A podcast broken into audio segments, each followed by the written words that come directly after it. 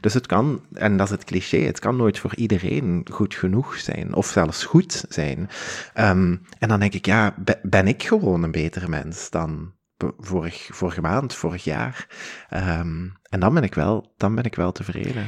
Ik, ik, wat mij helpt om eruit te geraken, want als ik daar zo in hang, dan, ja, dan gaat mijn hoofd echt alle kanten uit. Daar heb ik, een heel, uh, heb ik heel veel redenen voor om me dan uh, bedreigd te voelen en, en, en niet op mijn gemak te zijn. Is, is mijn intentie goed?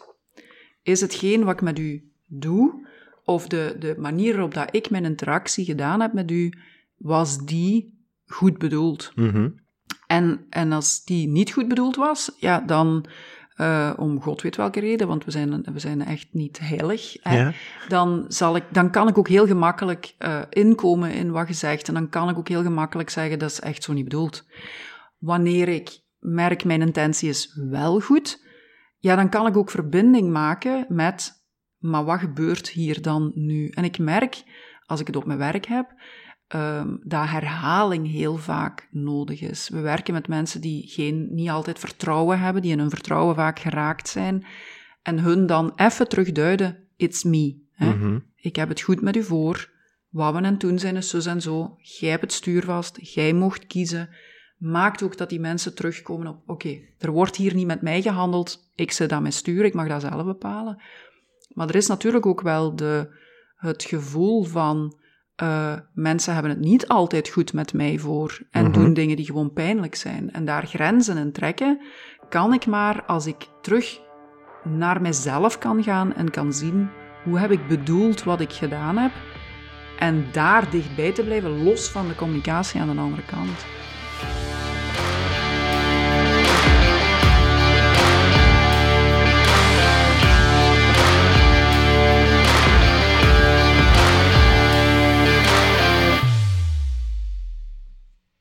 Welkom terug, lieve vrienden. Een weekje later dan gepland, maar daarom niet minder oprecht. Vandaag ervaren we samen aflevering 27 in de reeks. Die gaat trouwens nog altijd over mensen. Vandaag alleen een beetje meer over Aniek Seys. Laat mij beginnen met te zeggen dat ik bijzonder blij ben dat ik Aniek heb leren kennen. Deze aflevering inspireert niet alleen, maar doet me ook van alles voelen. Dat zijn minder leuke herinneringen, maar daartegenover toch ook heel leuke vooruitzichten. Het werd een trip doorheen mijn geschiedenis en die van haar, een dynamiek die ik tot op vandaag voel.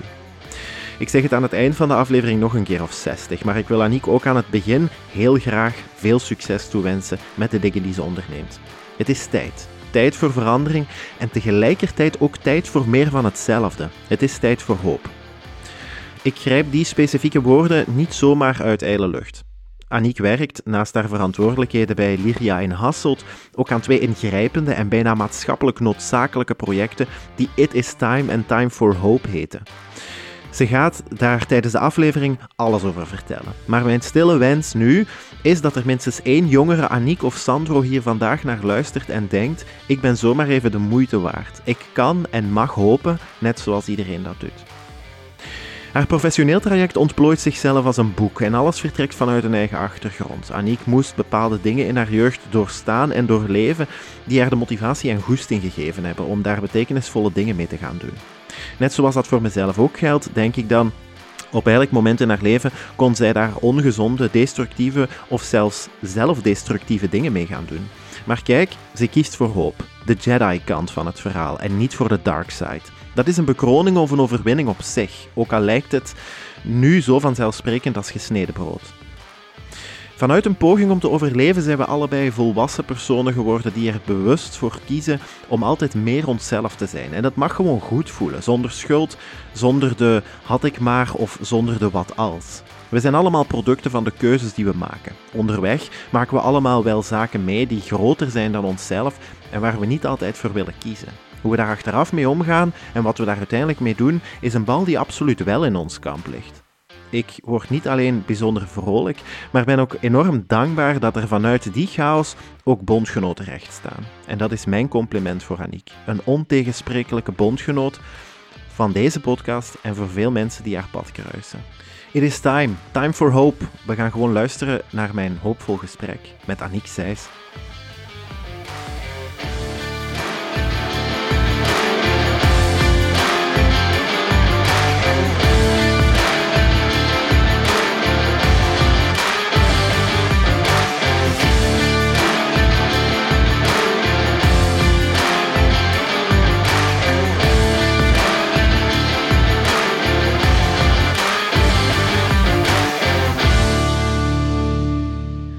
Heel goedemorgen, Aniek. Welkom bij Over Mensen.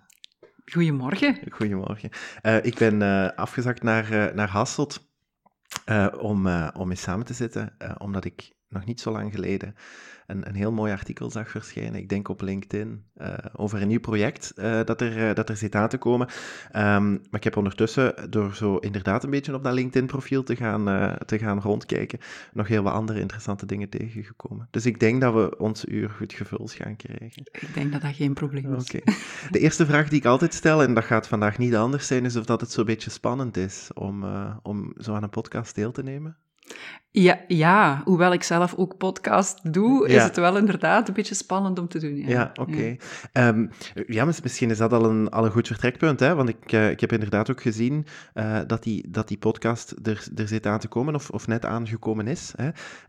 Um, ja, waarover, waarover gaat het zo in de basis? Ik mijn basis eigenlijk voor alles wat ik doe is om mensen te helpen meer levenskwaliteit te hebben. En um, ik besefte mij in coronatijd dat ik echt toegang heb tot heel veel proffen, dokters in de psychologie, die fantastische inzichten hebben, die heel down to earth zijn en um, heel graag hun inzichten delen over, over hoe verhoogt je dan de kwaliteit in je leven. Dus ik heb die gewoon gecontacteerd en gezegd, heb je goesting in een babbel? En die zeiden ja. ja. Um, dus dat gaat over boos zijn en hoe je daarmee omgaat, over um, emotie, over authenticiteit, um, uh, over meditatie. Allerlei thema's komen aan bod, maar die allemaal richting meer leven gaan. Ah, oké, dat is wel tof. sommige zaken, hoor ik je zeggen, zijn, zijn heel concreet, hè, zo over, over emoties of over specifieke emoties. Andere zaken zijn misschien wat abstracter, zoals authenticiteit. Mm -hmm. um, uh, ja, wat is zo de of, of waarop, waarop wilt je de, de nadruk een beetje leggen? Zo? Gaat, het, gaat je dan inderdaad zo specifiek mogelijk? Of, of kan het ook zo wat overkoepelend? Dat hangt een beetje van de gesprekspartner af. Ja. Um, ik heb iemand die zowel um, dokter in de psychologie is als kinesist. Mm -hmm. En die heel veel uh, gekeken heeft naar het belang van beweging. En die daar echt wel heel wat concrete tips in meegeeft. Okay. Uh, de rode draad is geïnspireerd worden om na te denken over je leven en daarin dingetjes te gaan veranderen. En soms betekent dat gewoon nadenken over quotes die je hoort in de podcast. En op andere momenten betekent dat, ik moet echt wel eens wat meer recht staan terwijl ik aan mijn bureau zit. Ja, oké. Ik denk dat we daar zo uh, in een gemeenschappelijk stuk komen. Mm -hmm. um, ik ben ook met de podcast begonnen, inderdaad. Alleen voornamelijk om zo wat verbinding te krijgen tussen mensen. Ik um, ben ook niet, niet toevallig begonnen, zo, ja, ja, in de coronacrisis, toen, toen lockdown zo de de norm was. Um, en dan, dan miste ik dat wel, zo, om zo betekenisvolle gesprekken te hebben. Ja. En ik dacht, ja, misschien hebben andere mensen dat ook, dus ik neem mijn betekenisvolle gesprekken gewoon op. Uh, en dan kunnen andere mensen daar ook naar luisteren. Um, ook met, met, merk ik nu zo wel een grote nadruk op zo levenskwaliteit en de vragen waarmee dat ik een beetje zit. Super mm. interessant. Mm. Um, de podcast heeft ook een naam, neem ik aan. It is Time. It is Time. En die uh, is al online of die gaat online komen? Die is online, die is te vinden uh, op YouTube, Spotify, um, Soundcloud en binnenkort ook op Apple. Ah ja, oké. Okay. Alright. Oké. Okay. Um, uh, ja, misschien kunnen, kunnen we zo... Ik weet niet of dat... Um, hoe, hoeveel afleveringen staan er nu bijvoorbeeld online? Op dit moment, we zijn, ik ben net begonnen met ze te lanceren. Mm -hmm. um, dus deze week twee, volgende week de derde. Ah, oké, okay, nice. En wie zijn de gasten? tot nog toe uh, is dat geweest Jo Lernout. Um, heel fijn gesprek geweest over authenticiteit. Um, uh, de man schuwde niet om echt reflectie te maken op zichzelf. Dus dat was heel aangenaam eigenlijk. Heel inspirerend vond ik dat. Um, de tweede is uh, Jackie Brassey. Dat is iemand die in McKinsey werkt, daar een hele hoge functie heeft en een boek geschreven heeft rond authenticiteit. Okay. Um, ja, vertelt heel mooi over hoe onzekerheid haar triggerde om te performen en dan eigenlijk gekozen heeft om daar open en authentiek over te zijn, wat in haar werkomgeving zeker geen gemakkelijke keuze geweest is, mm -hmm. denk ik dan. Um, en de derde is Rikke Kjelgaard. Dat is een uh, Zweedse uh, madame, stevige madame, mm -hmm. psychologe die... Um, die eigenlijk in mijn werkveld zit en die echt praat over uh, open zijn, emoties durven tonen. Um, ja, het is een heel leuk, uh, inspirerend gesprek. Okay.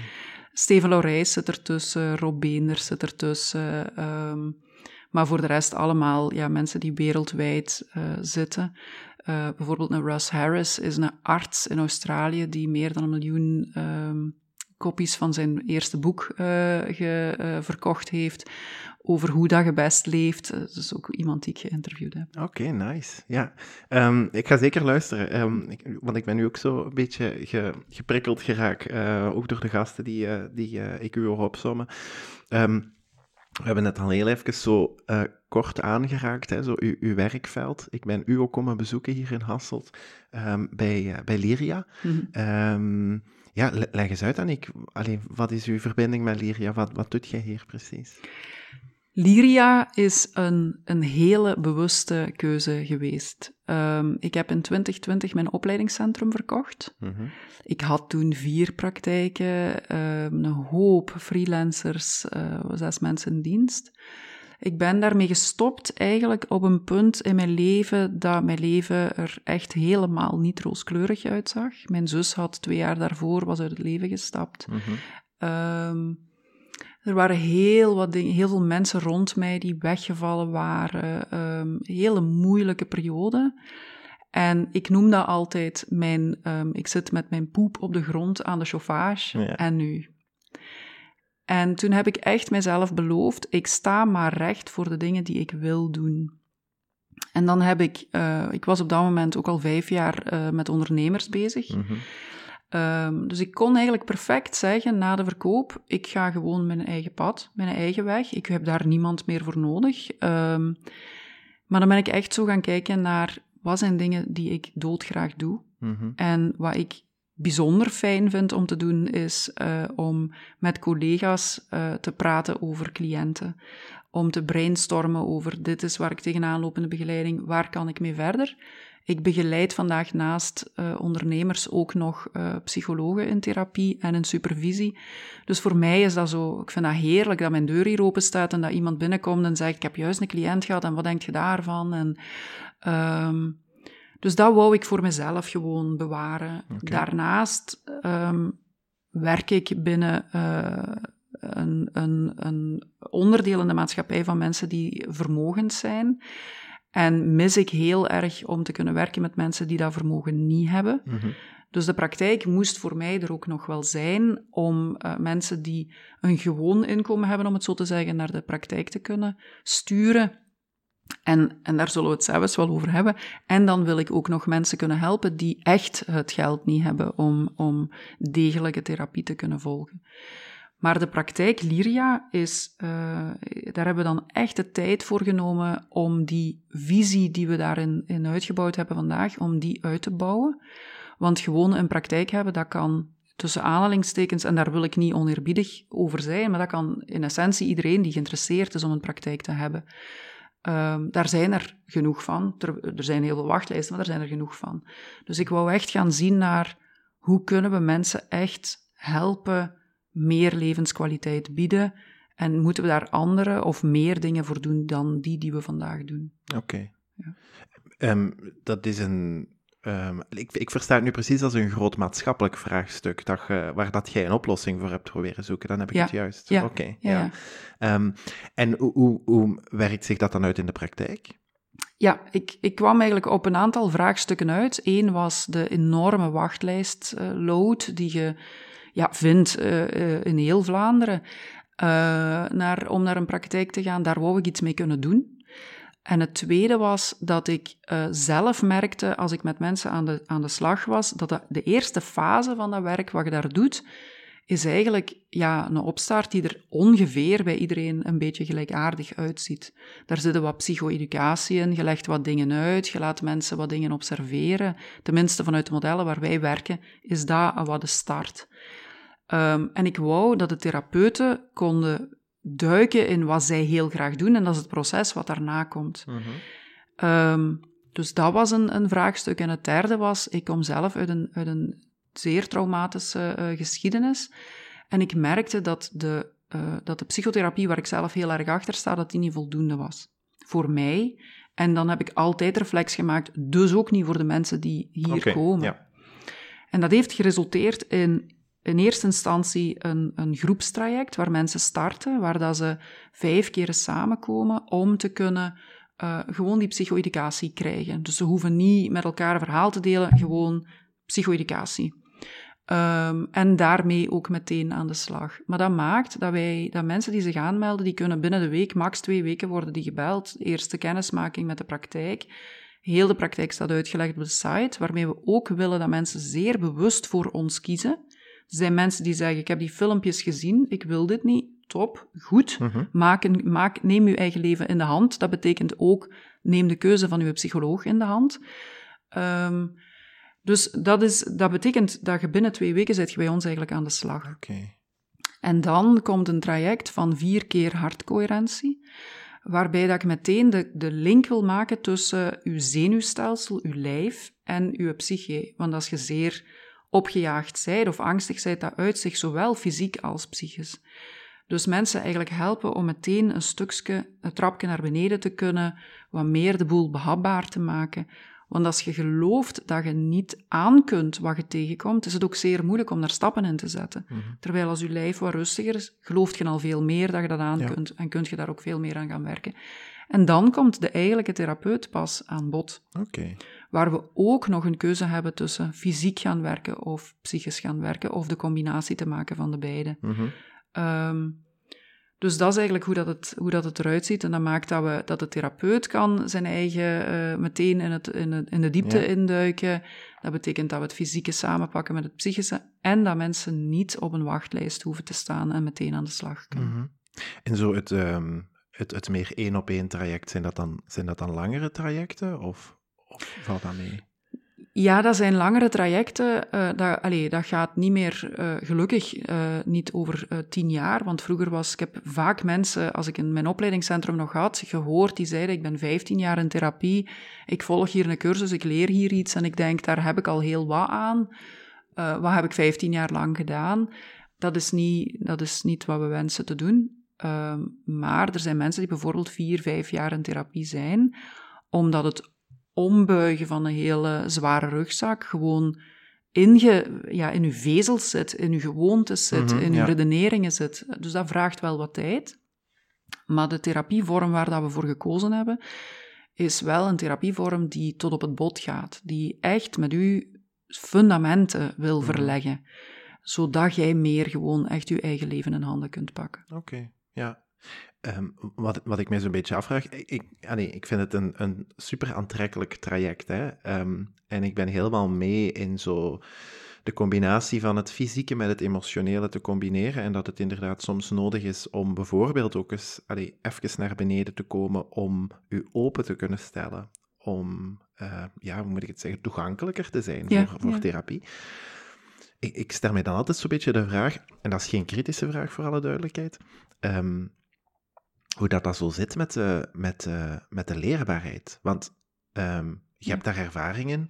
Ik ben bijvoorbeeld ook zo met uh, meditatie en mindfulness ben ik nu toch ook al een, een twee jaar ongeveer bezig. Ik, ik ben heel nederig en ik weet dat ik nog ergens in een beginfase sta. Maar voor heel veel mensen is dat dan een eerste confrontatie met iets wat onterecht uh, altijd zoiets zweverig spiritueel mm -hmm. genoemd wordt. Um, ja, daarom dat ik ook uh, ervoor gekozen heb om een heel duidelijk kader te scheppen via onze site. Dus mhm. mensen die zich aanmelden, moeten daar eerst naar gaan kijken, dus proeven of dat hun dat ligt of niet, waarbij dat ik de tijd neem om uit te leggen, eerst gaat je wat beter leren begrijpen wat er met u op dit ogenblik aan de hand is. Mhm. En dan gaan we al zorgen dat je inderdaad dat trapje naar beneden kunt, maar ook daar zit een hele biologische uitleg aan verweven wanneer mensen de oefeningen gaan doen. Wat, wat uiteraard heel goed zou zijn, is dat mensen de rest van hun leven bezig zijn daarmee. Maar wat we vooral beogen is dat je tussen aanhalingstekens therapie klaar kunt zijn. Dus dat je juist inderdaad leerbaar kunt zijn. Want als je heel erg hoog zit, dan is leren onmogelijk. Ja. Ehm, dus, dus het maakt eigenlijk dat je... Uh, ik zie bijvoorbeeld, want ik maak de combinatie hier in huis ook met ondernemers. Heel veel uh, ondernemers zijn zo bezig met doen, doen, doen. Dat voelen, reflecteren. Wat denk ik? Wat doe ik? Gewoon heel moeilijk is.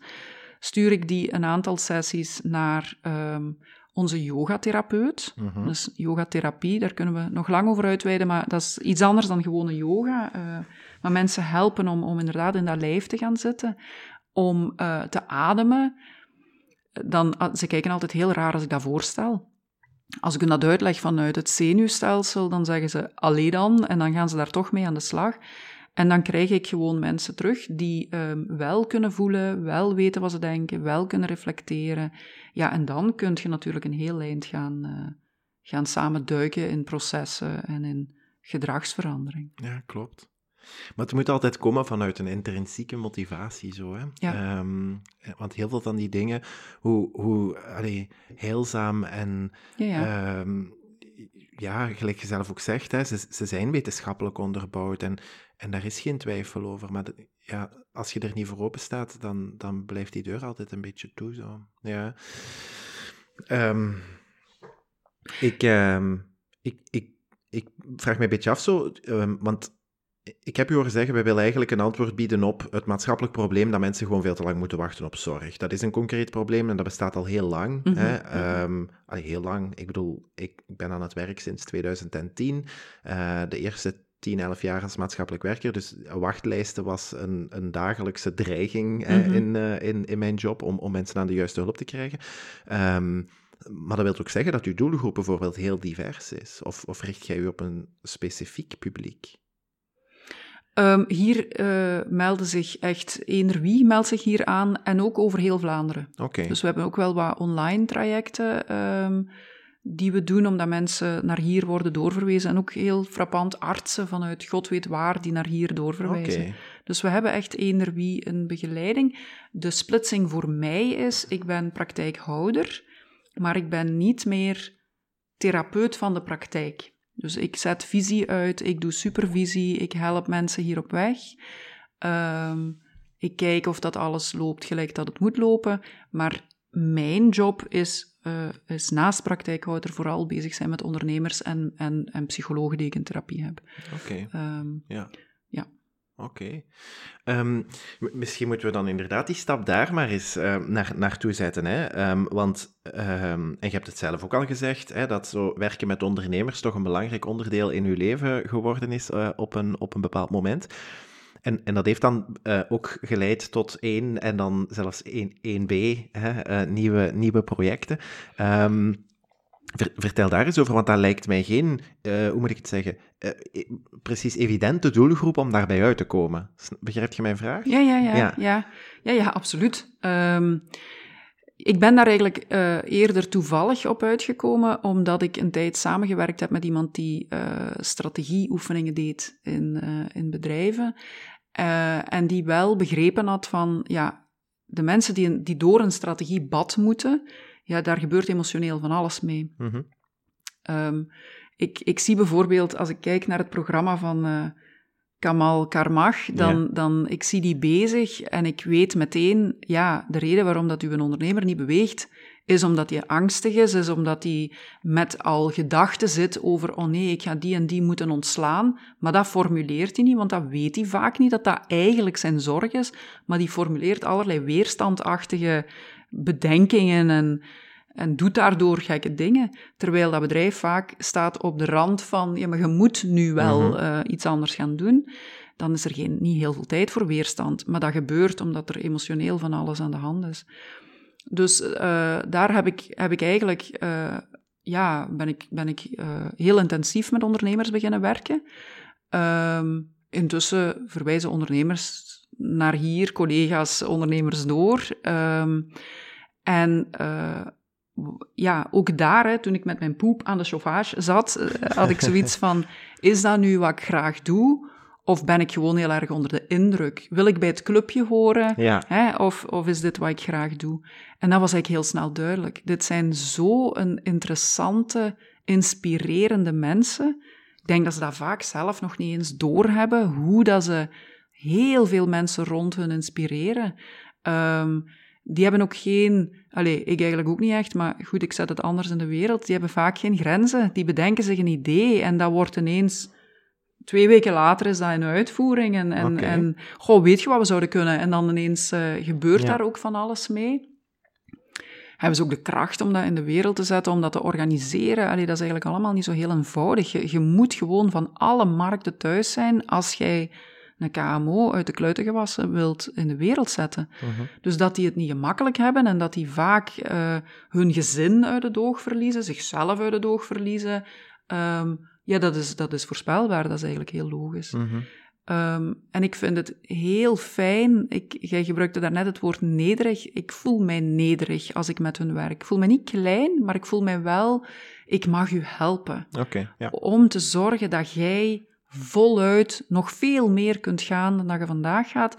En ik gun u veel meer levenskwaliteit, want je bent uw eigen en de mensen die je doodgraag ziet aan het vergeten. Mhm. Dus laten we van u meer een complete mens maken dan alleen maar hoe kan ik nog beter presteren. Mhm. Ehm, en dat zijn hele mooie trajecten. Ja, ja. Is, dat dan, is dat dan ook een beetje zo van, ehm, ja, toch, toch wat meer uit het denken komen, meer voeling krijgen met het voelen? Is, is, Ja, dat is frappant dat je dat zegt, want we hadden het hier gisteren in huis uh, binnen Lyria nog over, hoe vaak dat het zo is dat cliënten een vraag stellen, een aanmelding doen, die eigenlijk niet echt de aanmeldingsvraag is, of mhm. waar dat je eigenlijk als, als degene die langs u loopt, niet aan moet werken. Ja. Vaak zeggen mensen bijvoorbeeld, uh, ik wil beter kunnen omgaan met angst. Mhm. Wat ze bedoelen is niet, confronteer mij met angst en zet mij in de angst, zodat ik daarmee kan leren omgaan. Maar ze bedoelen, hoe kan ik nog beter mijn angst vermijden? Mhm. Ehm, waar dat, dat bij een ondernemer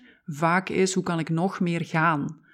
Uh, dus de moment dat ze bij mij komen en ze beseffen, dat is niet wat hij met mij wil doen, dan geeft dat wel eens wat weerstand. Ja. Ehm, en dan vinden ze dat vaak wel eens ambetant. Ja. Ehm, maar ze begrijpen ook wel heel gauw van emotie bepaalt wel mijn doen en laten, bepaalt mijn impulsieve uh, uh, drang om ineens te zeggen ik heb zo iemand in begeleiding van dat prachtig traject, die op een bepaald moment zei, um, ik wil eigenlijk helemaal niet uh, zelf mijn bedrijf aansturen. Ik ben er niet voor gemaakt. Ik moet gewoon iemand hebben die dat voor mij doet. En dan kan ik terug creatief. En uh, er was geen houden aan. Er moest iemand komen die dat voor hem ging doen. Die is er geweest. Uh, um, ik denk zelfs dat er drie geweest zijn. En op een bepaald moment um, leert hij eigenlijk meer voelen wie hij is mhm. en waar hij goed in is en wat hij wil.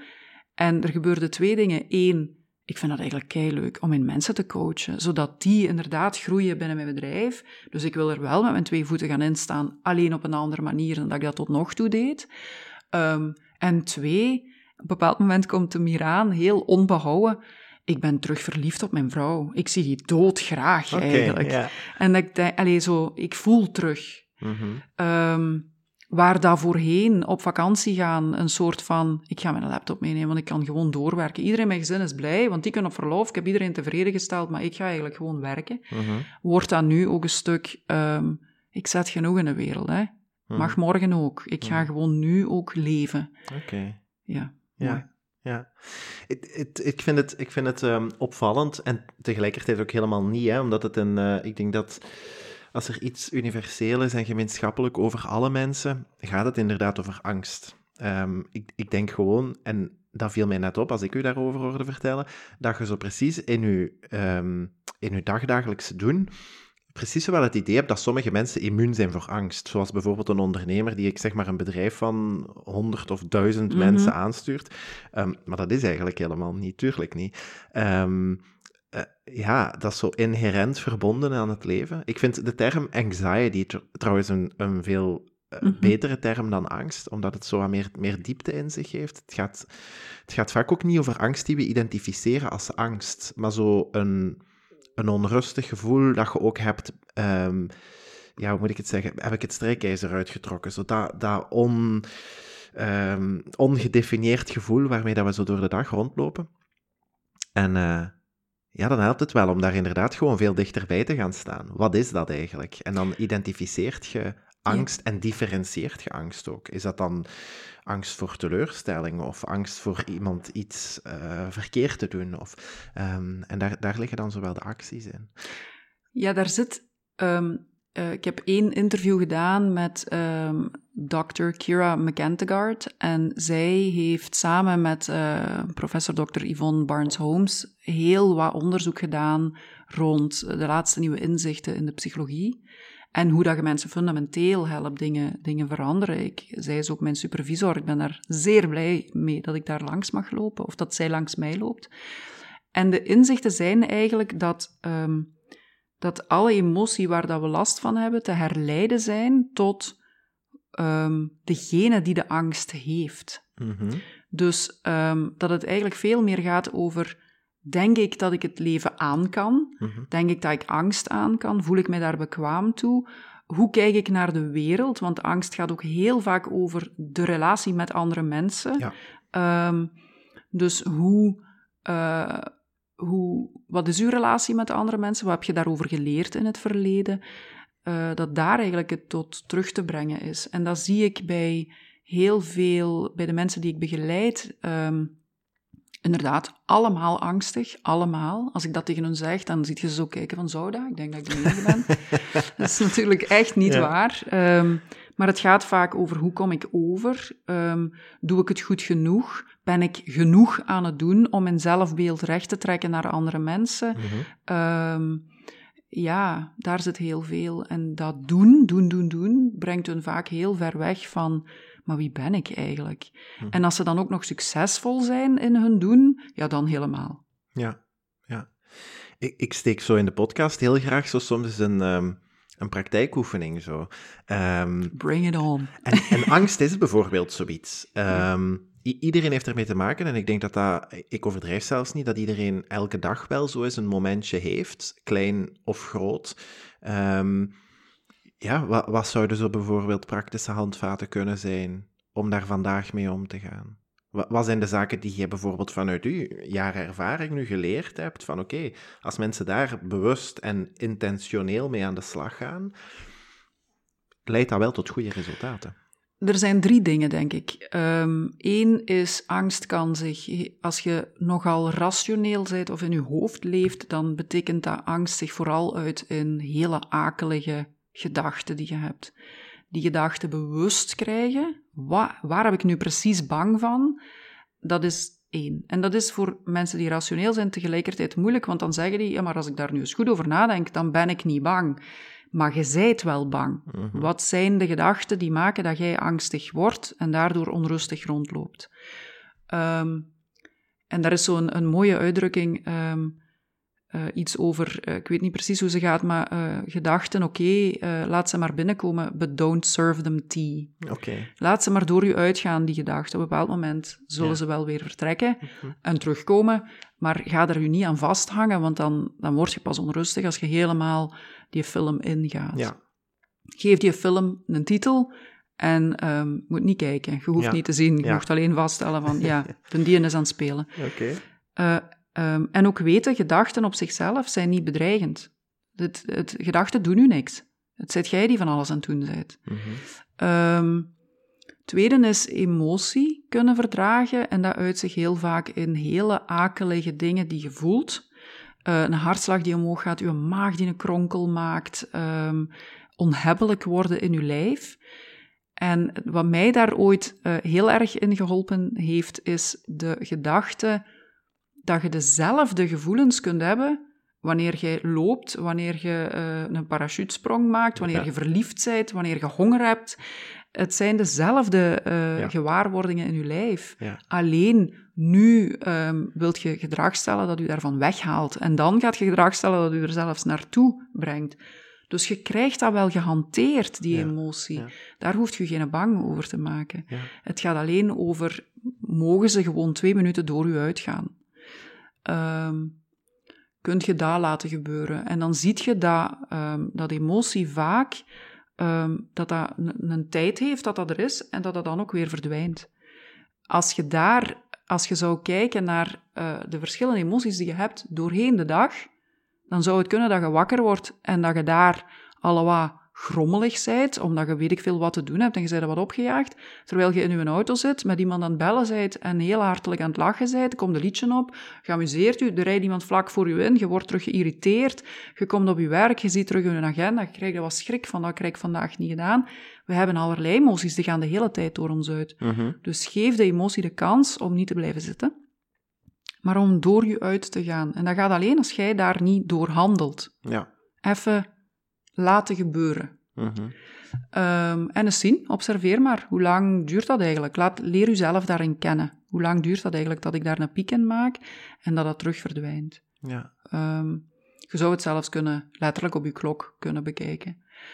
En drie is dat zelfbeeld. Als ik voor mijzelf spreek, dan is mijn grootste handvat is dat ik, wanneer ik angstig ben, dan gaat het vaak over, ik denk dat iemand mij slecht vindt. Ik denk dat iemand mij onbekwaam vindt. Ik denk dat iemand mij eh, kwaad wil doen omdat ik het niet goed genoeg doe. Oké.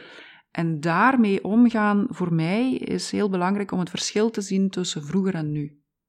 Vroeger, de levenslessen die ik meedraag, hebben mij gebracht tot deze conclusie dat mensen dat met mij kunnen doen.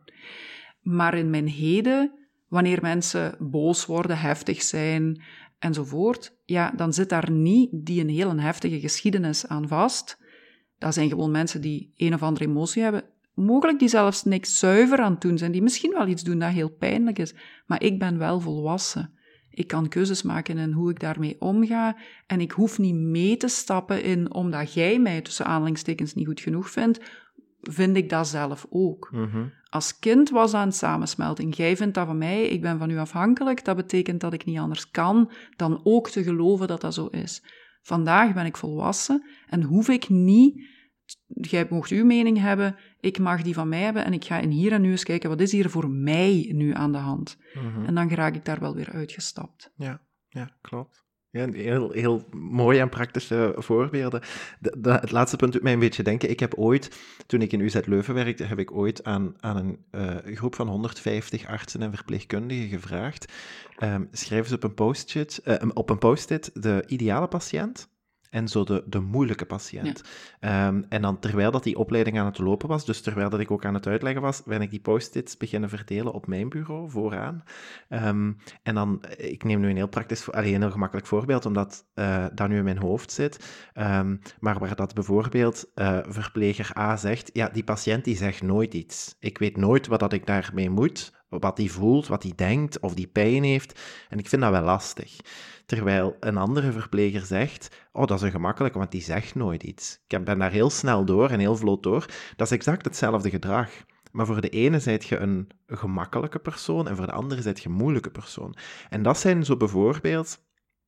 Want in die zin doe ik wel een beetje hetzelfde als u. Als, als ik... eh, want dat is ook een, een strijd voor mij. Be- Ben ik goed genoeg voor iedereen? En, en doe ik inderdaad iets waar dat iedereen eh, van denkt, ah ja, oké, Sandro is, is oprecht en, en authentiek. En ik, ik zit daar heel erg mee te strijden. En op die momenten denk ik daar wel aan. Van, ik, kan, ex- ik kan exact hetzelfde gedrag stellen en dat is voor persoon A perfect. En voor persoon B is dat, is dat ja, heel moeilijk en lastig om daarmee om te gaan. Mhm. Dus het kan, en dat is het cliché, het kan nooit voor iedereen goed genoeg zijn, of zelfs goed zijn. Ehm, en dan denk ik, ja, be- ben ik gewoon een betere mens dan vorig, vorige maand, vorig jaar? Ehm, en dan ben ik wel, dan ben ik wel tevreden. Ik, ik, wat mij helpt om eruit te geraken, want als ik daar zo in hang, dan, ja, dan gaat mijn hoofd echt alle kanten uit. Daar heb ik, een heel, eh, heb ik heel veel redenen voor om me dan eh, bedreigd te voelen en, en, en niet op mijn gemak te zijn. Is, is mijn intentie goed?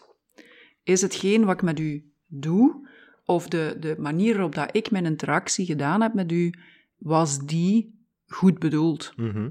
En, en als die niet goed bedoeld was, ja, dan eh, om god weet welke reden, want we zijn, we zijn echt niet heilig, hè, Ja. dan, zal ik, dan kan ik ook heel gemakkelijk eh, inkomen in wat je zegt. En dan kan ik ook heel gemakkelijk zeggen, dat is echt zo niet bedoeld. Wanneer ik merk, mijn intentie is wel goed, ja, dan kan ik ook verbinding maken met, maar wat gebeurt hier dan nu? En ik merk, als ik het op mijn werk heb, ehm, dat herhaling heel vaak nodig is. We werken met mensen die geen, niet altijd vertrouwen hebben, die in hun vertrouwen vaak geraakt zijn, en hun dan even terugduiden, it's me. Hè? Mhm. Ik heb het goed met u voor, wat we en toen zijn is zus en zo. Jij hebt het stuur vast, jij mocht kiezen. Maakt ook dat die mensen terugkomen op, oké, er wordt hier niet met mij gehandeld, ik zit aan mijn stuur, ik mag dat zelf bepalen. Maar er is natuurlijk ook wel de, het gevoel van, uh, mensen hebben het niet altijd goed met mij voor en mhm. doen dingen die gewoon pijnlijk zijn. En daar grenzen in trekken, kan ik maar als ik terug naar mezelf kan gaan en kan zien hoe heb ik bedoeld wat ik gedaan heb. En daar dichtbij te blijven, los van de communicatie aan de andere kant. Ja, ja. Dat, daar zit ja, dat hebben ze er zo op sociale school een beetje in gedramd. Hè? Zo het, het, het, het, reflecteren en, en dat blijven doen en blijven herhalen totdat dat een soort van automatisme wordt bijna. En dan zitten we eigenlijk helemaal terug aan het begin van het verhaal waar jij met de mensen die hier over de vloer komen gaat werken om gewoontes te doorbreken. Ja. Ehm, en zo, ja, ik heb, ik heb dan ook altijd het besef in, in eender welke interactie die niet helemaal loopt zoals ik gedacht had. Um, eh, ja, wat is mijn aandeel en waar heb ik controle over? En soms kan een, een intentie inderdaad ook heel puur en, en positief zijn, maar die hoeft niet noodzakelijk positief binnen te komen bij de ander. Ja, ehm, ja, klopt. Dus dat is altijd zo wel een, eh, een, eh, een, een wissel. Hij is super interessant ook, omdat het inderdaad gaat over dynamieken tussen mensen. Zo. Mhm. en, en daar zit altijd iets onvoorspelbaar in. Zo. Ja. Ik... Um, ik, ik zou bijna durven denken, het is, het is tijd voor hoop. Uh, en dan ben ik zelf een beetje uh, zo het, het, nieuwe project van, uh, van u aan het vertellen naar het Nederlands, wat dan inderdaad Time for Hope heet. Mm um, dat is ook het artikel dat ik recent oppikte. In Meden-Limburg, ja. Ja, ja. op, op LinkedIn. En um, ja, ik, ik, ga het u laten vertellen. waarvoor is het dan tijd, Annie? Ja, voor hoop. ik krijg eigenlijk kippenvel als je het zegt. Um, het is eigenlijk ontstaan door het feit dat uh, ik op een bepaald moment thuis op mijn zetel lag. Uh, ik heb last van chronische migraine, dus heel veel dagen in de maand heb ik last van migraineaanvallen. Ben ik voor een behandeling, maar dat is een restant van, uh, van dingen die ik in mijn verleden heb meegemaakt en die zich geslaan hebben op mijn, op mijn brein, zeg maar. Ehm, dus ik lag daar en ik was mij zo aan het bedenken van, amai, hoeveel heeft mij dat nu in mijn leven eigenlijk al gekost, heel mijn geschiedenis? Niet vanuit fatalistische hoek, maar zo wel van, eigenlijk als je dan nagaat, die kost die is wel heel groot. Uh, niet alleen mijn medische kosten, maar ook mijn, hier lig ik weer, een dag verloren, want ik moet gewoon rusten. Um, en ik begon zo de kost daarvan op te tellen. Ik denk, dit is dat is, dat, allee, dat is meer dan een huis. Wat ik hier al eigenlijk kwijt ben aan indirecte en directe kosten door mijn geschiedenis. Ja. En toen begon ik zo na te denken. Ik heb zelf in twee instellingen gezeten vanaf mijn 16 jaar. En ik begon ook daarover te denken van, ik heb eigenlijk van thuis uit niks meegehad. Ik heb geen steun gehad. Ik heb van jongs af aan meteen hè, geld moeten beginnen uitgeven uh, dat ik nog niet had om te kunnen huren enzovoort. Dus ik begon zo mijn heel leven eens te overlopen en ik denk, amai, dat is eigenlijk wel heel veel. Gelukkig vanuit een plek van tevredenheid, maar wel als reflectie van eigenlijk is dat helemaal niet oké. En dan begon ik zo te denken aan uh, de jongeren die vandaag in instellingen zitten en ik denk, ik moet die kunnen helpen. Ik moet kunnen zorgen dat ik hun uh, wel uh, zo snel als mogelijk een soort van basis kan geven waar dat zij gaan voelen, ik kan hier bovenuit groeien. Want een deel van mijn leven is geweest, ik raak hier nooit niet vanaf van die geschiedenis. Uh, die bepaalt mijn leven en ik raak daar niet vanaf. Op een of andere manier, en da daar heb ik geen verklaring voor, maar merk ik ook uh, in mijn leven en in de mensen die ik, die ik ken, die, die soortgelijke dingen meemaken, dat dat niet ophoudt met ik had twee ouders waar ik iets anders van verwacht had, maar dat dat echt zich verder zet in je leven, dat je dingen tegenkomt waar dat je pech hebt, dat je denkt, hoe is dat nu in godsnaam mogelijk dat mij dat overkomt? Um, misschien... Heel grappig dat je het zegt. Ik heb, ik heb exact hetzelfde. ja. ja. Tegelijkertijd zit er natuurlijk een grote gevoeligheid op, want enough is enough. Dus als je dingen tegenkomt, gebeurt er natuurlijk ook wel iets dat zegt, maar echt, ik wil, ik wil dit niet meer, waar dat iemand anders die sterker in zijn schoenen staat, op dat moment misschien denkt, ja, je zet je terug recht en je gaat naar het volgende en dat het niet gepercipieerd wordt als tegenslag. Maar ik kan toch wel zeggen dat mijn leven een aaneenschakeling is van echt wel hele pijnlijke zaken. Dus ik begon zo te denken van, ik ben eigenlijk zo blij met wat ik vandaag kan en weet en mag leven. Dat wil ik. Voor jongeren die, die ook uh, een rugzak hebben, die in instellingen verblijven. En ik was dan zo aan het, bedenken van, oké, wat kan ik daar nu eigenlijk voor betekenen? En ik wou twee dingen. Eén was, ik wil die jongeren um, psychotherapeutisch een traject geven waar dat ze kunnen zien, er is hoop en ik ben niet mijn geschiedenis, mhm. ik ben mijn heden en ik heb een hele toekomst voor mij. En toen moest ik meteen aan de ondernemers denken die ik begeleid, want daar zitten er ook heel veel tussen die een zeer stevige rugzak hebben. En die ondanks en met die rugzak gedaan hebben waar ze vandaag staan. En ik denk, ja, er zijn geen betere voorbeelden om te inspireren dan gewoon letterlijk levendig te kunnen zien. Je kunt meer dan dat. Maar ook, was aan mij dan zo aan het bedenken van oké, hoe, hoe gaat dat dan lopen? Als ik ondernemers laat praten over hun zelfbeeld en over hun angsten en hun schaamte en hun schuld, ja, dan leren jongeren ook, eh, en dat hebben we denk ik in de hele maatschappij nodig, niet alleen die jongeren, ja, dat is, norm, dat is menselijk. Mhm. Als je zo'n geschiedenis hebt, dan is het gewoon menselijk dat je nog kwetsbaar bent. Laat die kwetsbaarheid er zijn en laat die u niet tegenhouden. Maar laat het een en-en verhaal zijn. Ik mag de wilste dromen hebben en echt gaan zoeken hoe dat ik die in de wereld zet. En ik heb kwetsbaarheid. Mhm. Dus dat was mijn... Ik wil hun inspireren uh, om er bovenuit te groeien, hoop te krijgen. En het tweede wat ik wil is um, om in de maatschappij duidelijk te maken, als er kwetsbaarheid is, dan is die kost enorm. Mhm. Ik, allez, ik praat soms met ondernemers over hoe zij hun bedrijf op poten zetten, hoe zij hun gezinsleven daarbij betrekken. En ook daar zie ik enorm, letterlijk financieel, enorm grote kosten door keuzes die ze maken die gewoon helemaal niet slim zijn mensen te weinig vertrouwen, mensen te veel vertrouwen die ze best niet vertrouwen, maar ze zijn gewoon aan niet gezonde relaties. Kost hun ongelooflijk veel geld, maar kost hun ook bloed, zweet en tranen. Ja. Dus daar komen zij hun geschiedenis heel vaak tegen. En toen dacht ik, ik moet naar de minister van Welzijn. Ik moet hem dat duidelijk maken. En toen dacht ik, maar die man die krijgt elke dag dit soort berichten binnen. Um, ik denk, maar de, de schade, om het even zo te noemen, heel negatief te beschrijven, maar die zit op alle levensdomeinen voor mensen. Die zit op, op hun schoolcarrière, die zit op hun economische uh, uh, um, positie, die zit op uh, huisvesting, die zit op zoveel domeinen, dat ik denk, maar ik moet de minister van Welzijn niet hebben. Ik wil een maatschappelijk breed gevoerd signaal geven, die discussie op poten kunnen zetten, om te zeggen, we zijn echt niet genoeg aan het doen voor mensen met een rugzak. Mhm. Dus moest ik op zoek naar ondernemers die zin hadden om dat met mij te doen. En dat leverde twee dingen op. Dat leverde op dat mensen die ik daarop aansprak, dat die zeiden, oh nee, nee, nee, nee, ik ga toch niet met mijn verhaal naar buiten komen, dat, dat wil ik niet, dat durf ik niet, daar, daar, ik wil niet dat iemand dat weet niet beseffende hoezeer dat ze mensen inspireren met hun verhaal. Maar twee, als we het in Made in Limburg zetten, kwamen er gigantisch veel reacties van mensen die zeiden, jawel, ik heb inderdaad ook een rugzak. Ik kreeg mails met verhalen van ondernemers die mij dat gewoon deelden, omdat ze mee wilden doen met dit mhm. verhaal. Ja. Um, dus voilà, toen uh, ontstond uh, Time to Hope. En is de bedoeling om drieënhalve dag met ondernemers en jongeren in instellingen samen, zeven, zeven per keer, zeven jongeren, zeven ondernemers, in een klein groepje samen te zetten. Samen het proces te doorlopen van emoties, eh, gedachten, gedrag, zelfbeeld, beeld op de wereld, om daar zo wat zicht op te krijgen. En ook, oké, en nu gaan we dromen. Hoe raak je hier bovenuit? En wat is hetgeen wat je hart sneller doet slaan? En hoe kun je dat gaan beginnen doen? Ja.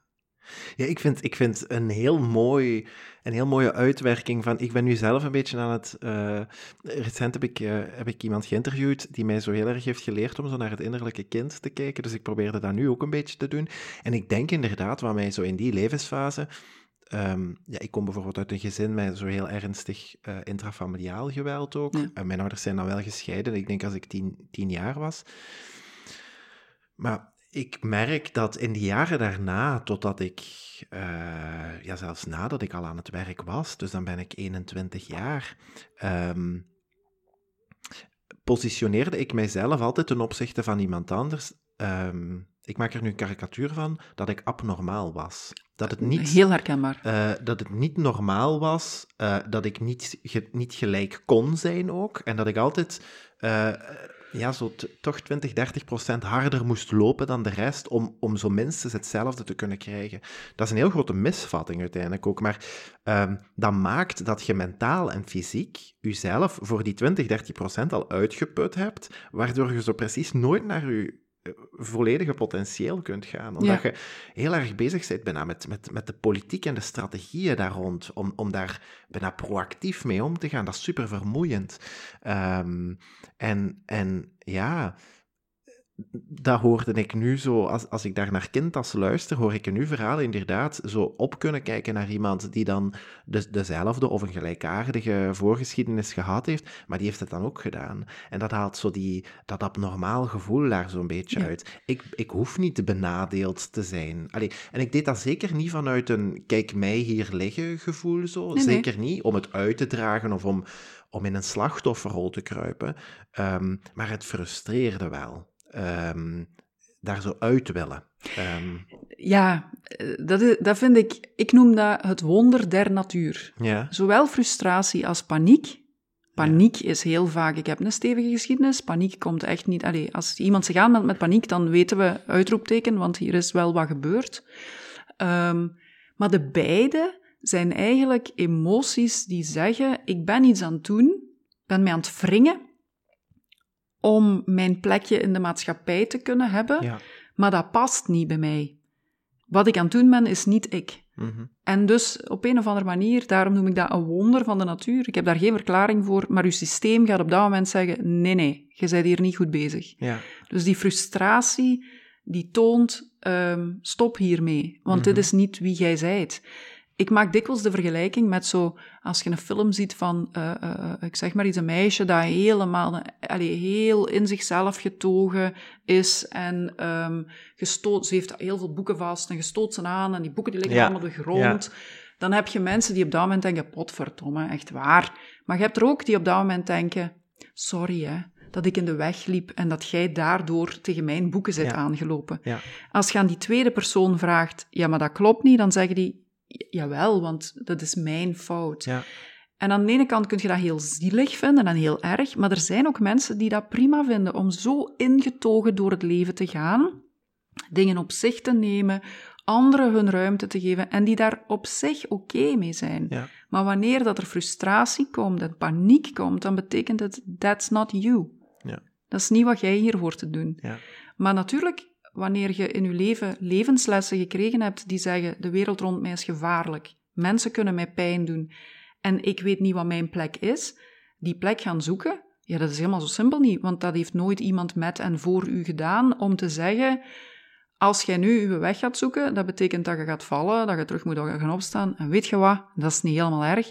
Uw waarde blijft dezelfde. Of jij nu valt of jij staat op, dat is allemaal deel van het leven. Zo werkt het. Dat zegt niks over u. Dat is gewoon zo. Mm -hmm. Als je dat weet, ja, dan zit je veel vrijer om je pad te lopen en, en te wandelen en wel te zien waar dat je uitkomt, je te mogen vergissen en verder te kunnen stappen en telkens opnieuw te zoeken naar, maar wat wil mijn hart? Wat kom ik hier doen nu eigenlijk? Niet waar ben ik goed in, maar wat kom ik hier doen? Mm -hmm. Oké, okay. ja. Um, toen, ik, toen ik het artikel las, Annick, uh, over uh, Time for Hope, Um, en misschien is dat de maatschappelijk werker in mij die dan zo de vraag triggerde. Daar zit inderdaad iets autobiografisch in, omdat ik denk dat het anders te weinig concreet kan worden uh, voor iemand die daar tot dan toe nog niet mee bezig is geweest. Een beetje, ja, ik, ik overdrijf nu, maar dat is zo een beetje te, te ver van hun bed, laat het mm -hmm. mij zo noemen. Um, ja, ik, ik weet eigenlijk niet, ik, ik weet eigenlijk ook niet of ik de vraag mag stellen, maar er zijn bepaalde thema's in uw leven gebeurd die gemaakt hebben, ik heb u al horen zeggen, hè, dat je bijvoorbeeld in een instelling uh, ook verbleven hebt en zo, die dan de motivatie gegeven hebben om dit te gaan doen. Mm -hmm. um, ja, ja, wat, wat heeft Aniek daar eigenlijk in, in gevormd of, of gemaakt tot de Aniek die je vandaag zijt? Ja, ik denk dat dat uh, twee dingen samen zijn. Hè. Inderdaad, wat je zegt, als ik niet had meegemaakt wat ik had meegemaakt, dan zou mijn interesse daar waarschijnlijk veel minder liggen. Um, ik, heb, ik kom uit een heel dysfunctioneel gezin, um, waarbij dat angst voor mij een hele grote uh, speler geweest is. Ik, ik denk dat ik mijn jeugd zou kunnen samenvatten als angstig zijn. Okay. Onvoorspelbare uh, conflicten die volledig uit de hand liepen. Um, aan mij is nooit een vinger aangeraakt wat betreft uh, fysiek geweld, maar ik ben psychisch uh, heel erg ehm, klein gemaakt, um, met de grond gelijk gemaakt. Dat is, dat is wat ik zeer goed ken. Um, ik, er is ook seksueel misbruik in de, met mij gebeurd, maar de grootste noemer is een angstcultuur en een, en een heel sterk gevoel hebben, ik ben niet gewild. Uw jij, jij ziet mij niet graag. Uw prioriteit is niet mijn kind, daar ga ik voor door het vuur. Ja. Ik ben een problem to be fixed. Ja. Um, dus dat is mijn geschiedenis. En um, op mijn zestiende resulteerde dat bij mij uit. Ik heb het gehad in het leven. Ons huis werd openbaar verkocht. Er was ellende, er was armoede. Um, ik herinner mij dat ik aan mijn zus zei uh, op een bepaald moment, ik had het gevonden, wij gaan besparen hier. Ik had dat zo voor mijn eigen uitgemaakt. We gaan maar boter smeren aan de ene kant van de boterham, dan, hebben we al, uh, dan besparen we de helft zouden we dan eens proeven zonder boter? Want misschien kunnen we dan zo... Dat was, dat was wat ik dan deed. Ik was toen al aan het ondernemen. Ik was toen al uh, aan het zien, hoe kunnen we dat hier gemanaged krijgen? Um, uh, dus dat is zeker één ding. Het tweede ding, denk ik, is... Uh, of weet ik, is... Ik ben... ik heb van jongs af aan een groot rechtvaardigheidsgevoel. Ik kon niet tegen mensen die bij mij in de klas gepest werden. Daar, ja. kon ik, daar ging ik tegenin tot en met, doe dan maar iets met mijn reputatie, dat boeit me niet, maar dit mocht je niet doen. Mm -hmm. uh, en daar zit ook wel wat hogere intelligentie. Dat maakt dat ik ook heel gemakkelijk, eigenlijk altijd vanuit een metapositie ben gaan ja. kijken naar de maatschappij. En dat ging zo in de eerste jaren dat zich dat al duidelijk uitte, was uh, toen ik een jaar of vier was, kwam ik erachter, sommige mensen kunnen lezen en schrijven en ik kan dat niet. Maar ik heb de indruk dat dat veel plaatsen neemt in de maatschappij. Dus hoe, iemand moet me dat hier leren. Wie gaat mij dat leren? En hoe leer ik dat? En kan ik daar dan nu niet mee beginnen? Want misschien heb ik al dingen gemist. Ja, ja. Um, zo, Sinterklaas, is dat nu waar? Is dat nu niet waar? Dat deed bij mij. Hoe kan dat in godsnaam, als dat niet waar is, dat dat een hele wereld rondgegaan is? Wie heeft ooit een vergadering belegd en gezegd, dat gaan we nu eens iedereen wijsmaken? Dus ik, ik ging eigenlijk heel snel vanuit een metapositie kijken naar de wereld. Ja. Um, uh, en dat is eigenlijk wat ik vandaag nog steeds doe. Ik kom iets tegen wat ik een probleem vind of een uitdaging vind, dan denk ik meteen, maar dat, ik ben daar niet de enige in. Nog mensen hebben mhm. daar last van. Dus als ik een oplossing vind voor mij, dan heb ik meteen een oplossing ook voor andere mensen. ja. um, vanmorgen moest ik ineens denken aan, uh, aan Schindler's List. Ja? Op het einde van de film um, stapt die man in de auto en hij is eigenlijk niet gelukkig. En iedereen prijst hem voor wat hij gedaan heeft voor de mensheid. En hij, en dat komt zo in beeld, dat wordt, dat wordt erbij geplakt. En ik, voor het erbij geplakt werd, dacht ik, dat zou mij dus overkomen. Was, ik heb niet genoeg gedaan voor andere mensen. Uh, want ik had de optie om iets te doen voor andere mensen. En dat is voor mij ook een drijfveer. Ik heb enorm veel kennis en kunde vergaard in de loop uh -huh. van mhm. de jaren. Hoe krijg ik die bij de mensen? Uh -huh. um, ja. In het, in het verhaal, um, in zo de, de, de making of Aniek, hè? Ja. Um, zitten er zo heel veel herkenbare zaken in voor mij ook. In die zin, ik heb bijvoorbeeld als kind geleerd om uh, onzichtbaar te worden ja. als overlevingsstrategie. Want hoe onzichtbaarder je waart, hoe minder dat er bijvoorbeeld agressie naar mij persoonlijk gericht werd. En tegelijkertijd, en daar, allee, dus ik word onzichtbaar om, mij, uh, om mijzelf te beschermen, maar daardoor groeit het schuldgevoel. Want als ik, uh, hoe moet ik het zeggen, geen um, allee, geen doel ben voor iemand anders, dan wordt die aandacht gewoon naar iemand anders gericht. Mm -hmm. En dat is een heel moeilijke uh, wisselwerking. Want ja, hoe onzichtbaarder ik werd, hoe, comfortabeler, hoe meer comfortabel voor mij, maar dan wordt het minder comfortabel voor iemand anders. En dat is ongelooflijk, um, want ik hoor u dat nu heel mooi samenvatten, en ik heb daar eigenlijk zo nooit over nagedacht, om daar als jong kind zoal mee om te moeten gaan. Hoe verhoud ik mij precies? En wat is eigenlijk het beste? Um, ja, in de praktijk moest, ja, moest mijn, mijn moeder het dan heel vaak ontgelden. En, en dat, dat vond ik dan ook super erg. En daar mhm. voel ik mij tot op vandaag ook nog wel altijd een beetje schuldig over, terwijl ik weet dat dat niet mijn schuld is. Um, maar zo dat gevoel had ik, had ik meer kunnen doen. Ehm, en dat, ik heb dat toen geleerd en dat, dat uh, ja, die volumeknop is zo hoog gezet dat dat een emotie is die bij mij tot in mijn kern zit. Zo. Ehm, en dan herken ik dat bijvoorbeeld ook in interacties vandaag. Um, zo het onrecht willen aanvechten en zo. En ik, ook wat je vertelt over zo het, het jezelf een beetje opvoeden zelfs. Hè? Mhm. Hoe, hoe raak ik hier zo gemakkelijk mogelijk uit? Ik weet bijvoorbeeld van mezelf dat ik heel erg ben beginnen focussen op taal. Ik ben bijvoorbeeld heel taalvaardig en ik schrijf bijvoorbeeld ook graag, omdat ik het vroeger niet mocht zeggen. Ik mhm. mocht niks zeggen. En dan dacht ik, ja, oké, ik, moet, ik moet beter worden daarin, want dat gaat mij inderdaad de vrijheid geven die ik dan. Ehm, dus het, het vindt altijd zijn weg naar de oppervlakte zo. En ehm, ja. De klachten zijn dan eigenlijk ook heel waardevol, want de klachten zeggen: kom op, ga voor meer jij. Eh, ik stel mezelf heel vaak de vraag, misschien is dat ook een vraag die ik u nu wil stellen, zo. Ehm, eh, voor mijzelf stel ik hem zo scherp. Zou ik mijn verleden ingeruild hebben? Nee, uh, dat kan ik direct zeggen. Ja, nee. Ik, en ik heb dat ook. En, en ik vind dat zelf ook een beetje moeilijk om dat zo toe te kunnen geven, want dat is denk ik het schuldgevoel ook een beetje. Tuurlijk had ik voor al die andere mensen die daar... Allee, zeker mijn moeder bijvoorbeeld, allee, die is... Die, ehm, ja, nu, nu, nu is ze ziek, nu, nu, heeft ze kanker, maar ze heeft bijvoorbeeld ook zo heel veel last gehad van hernia's en, en operaties, en dat is puur en alleen door dat geweld. En tuurlijk had ik dat willen wegnemen. Ehm, maar tegelijkertijd denk ik wel, zowel, zowel ik als, als mijn zus, als mijn, mijn twee broers, en ik denk ook wel mijn mama, wij waren nooit de personen geworden die we vandaag zijn als, als dat er niet geweest was. Ook al was het zo excessief, hè. Allee, het... het ik, ehm, ja, ik denk daar twee dingen over. Hè. Eén is, um, je, uh, je kunt als kind niet...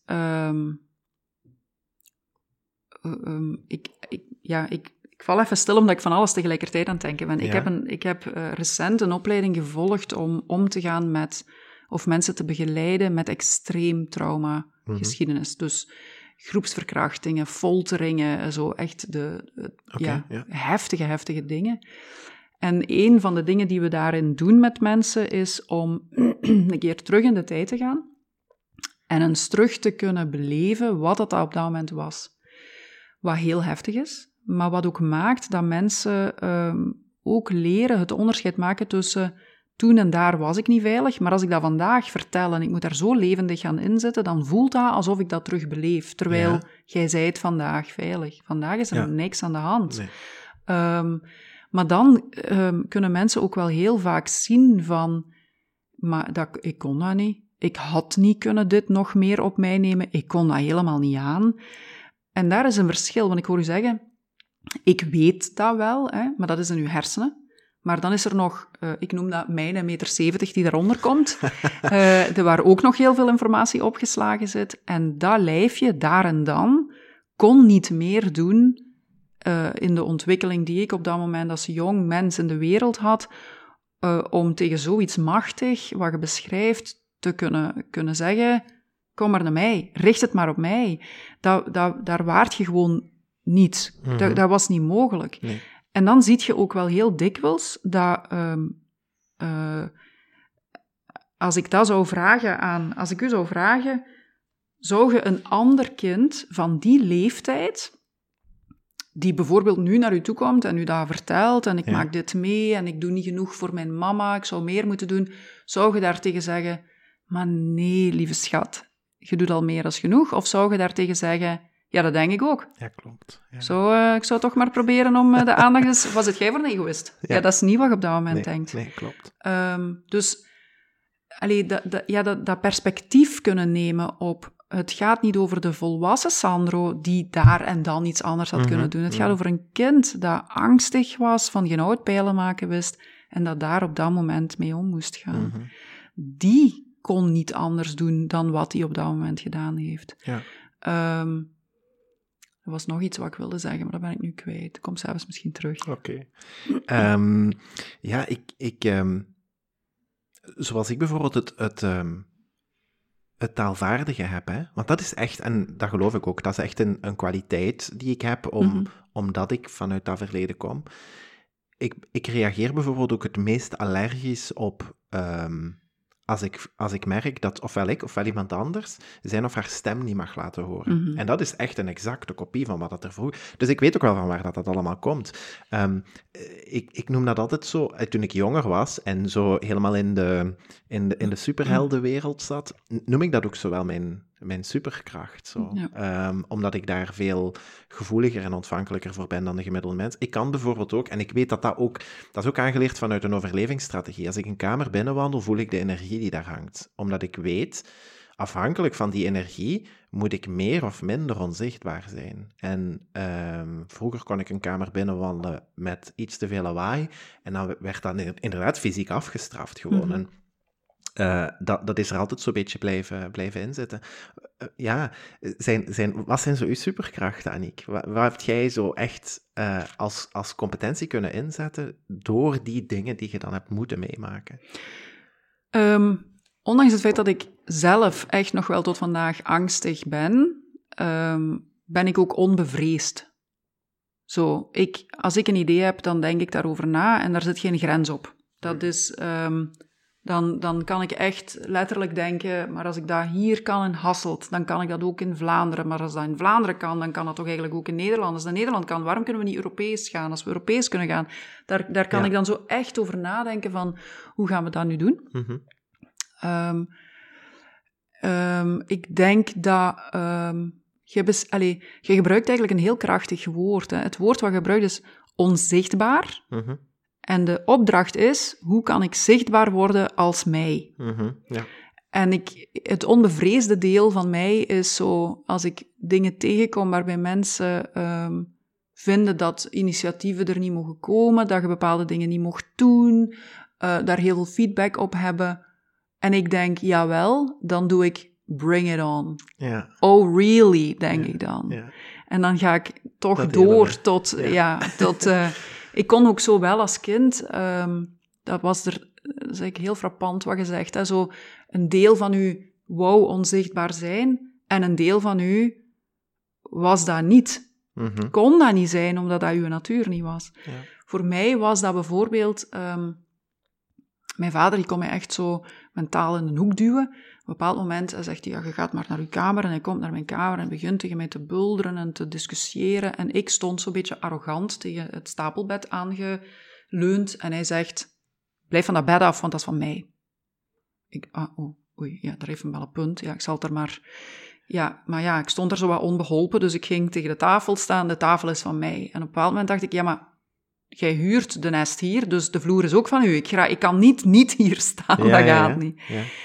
En hij buldert wat door en hij vertrekt terug. En met dat hij vertrekt, denk ik, ja, maar wacht eens even. Hè. Voor wat ik hier gestraft word, dit is gewoon de glos erover. Dus ik besluit, ik vind het nu wel genoeg geweest. Ja. Dus ik ga, ik verzamel alles in die kamer waarvan ik denk, ja, dat is inderdaad, dat heb je mij gegeven. Ik wil dat eigenlijk niet krijgen van iemand die zo tegen mij doet. Dus ik ga terug naar de living, ik pak al die spulletjes mee, ik leg die er allemaal schoon op tafel.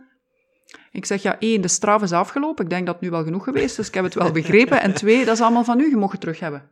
Ja. Zo mij daar boven zetten met... Nee, je gaat mij niet meer raken. Mhm. En tegelijkertijd heel klein en kwetsbaar zijn. En zo bang zijn om wel geraakt te worden en met de grond gelijk gemaakt te worden. Mhm. Maar zo blijven een stem in mij zoeken. Wat wil ik? Mhm. Wie ben ik? Ik verdien een leven. Ehm, wat is rechtvaardig? Wat is redelijk? Wat is respectvol? Ja, dat zijn dingen die ik mij al heel lang eh, mijn motieven zijn in mijn bestaan. Oké, oké. Ja.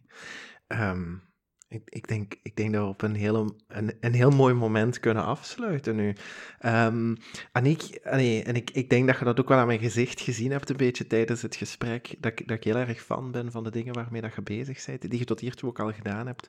Ehm, ik wil mij dan ook al bijna excuseren voor hetgeen je hebt moeten doormaken om dit allemaal te kunnen doen. Maar we weten ook allebei dat daar iets waardevol in zit. Hè? Dat was het tweede wat ik wilde zeggen. De vraag is volgens mij niet, ehm, heb je spijt van wat u overkomen is? Dat is gewoon geweest wat het geweest is. Eigenlijk kun je zeggen, het verleden is ook maar uw verleden. Ja, klopt. Het gaat over het heden en de toekomst. Maar wat ik wel zeker weet, is als je mij zou vragen, wil ik dat vandaag opnieuw meemaken? Ja. Ja, dat is dan helder. Ja. Nee. Nee, nee, nee, klopt, klopt. Ehm, ja, ehm, bijzonder veel succes um, met, met alles wat je doet. Hè. Lyria, It is Time, Time to Hope. Hè, uh, wat dat ook een heel, mooie, een heel mooie titel is. Ik ga zeker ook naar de podcast luisteren, want daar komen heel veel interessante gesprekken uh, uh, aan bod, denk ik. Hoop ik, weet ik. Um, ja, en voor de rest uh, wens ik u het, aller, het allerbeste toe. Ik, ik vind het ook heel leuk dat we, allee, we, we in een aantal zaken, um, hoe moet ik het zeggen, we, we komen dan niet zo 100% overeen, maar ik begrijp heel goed van waar bepaalde dingen komen. Um, zo, ja, jij zit, jij zit beginnen voor jezelf meer opkomen. Ik ben uit mijn onzichtbaarheid proberen komen. Het zijn andere trajecten, maar ze, de, de basis is hetzelfde en we hebben het allebei een beetje zo de, meer naar onszelf toe gaan groeien. Zo. Um, blijven voelen. Ook uh, super belangrijk, uh, heb ik ook geleerd. Um, ja, voor de rest, ik weet niet. Um, ik, kan, ik, kan blijven, uh, ik kan blijven opzommen um, voor, de, voor de dingen waar ik dankbaar voor ben en waar ik er succes mee zou wensen. Maar, Dat is echt wederzijds. Ik vond het echt een heel fijn gesprek. Ik ben ook heel benieuwd naar de andere podcast. Je hebt mij ook wel getriggerd om daar eens naar te gaan luisteren. Ja. ik denk dat die ook wel zeer fijn zijn om, om, om dichter bij mezelf te komen door daar naar te luisteren. Dus dat ja. ga ik zeker ook doen. Ja. Dus ook alle goeds en alle succes waar je mee bezig bent. Oké, dankjewel. Aniek, tot later.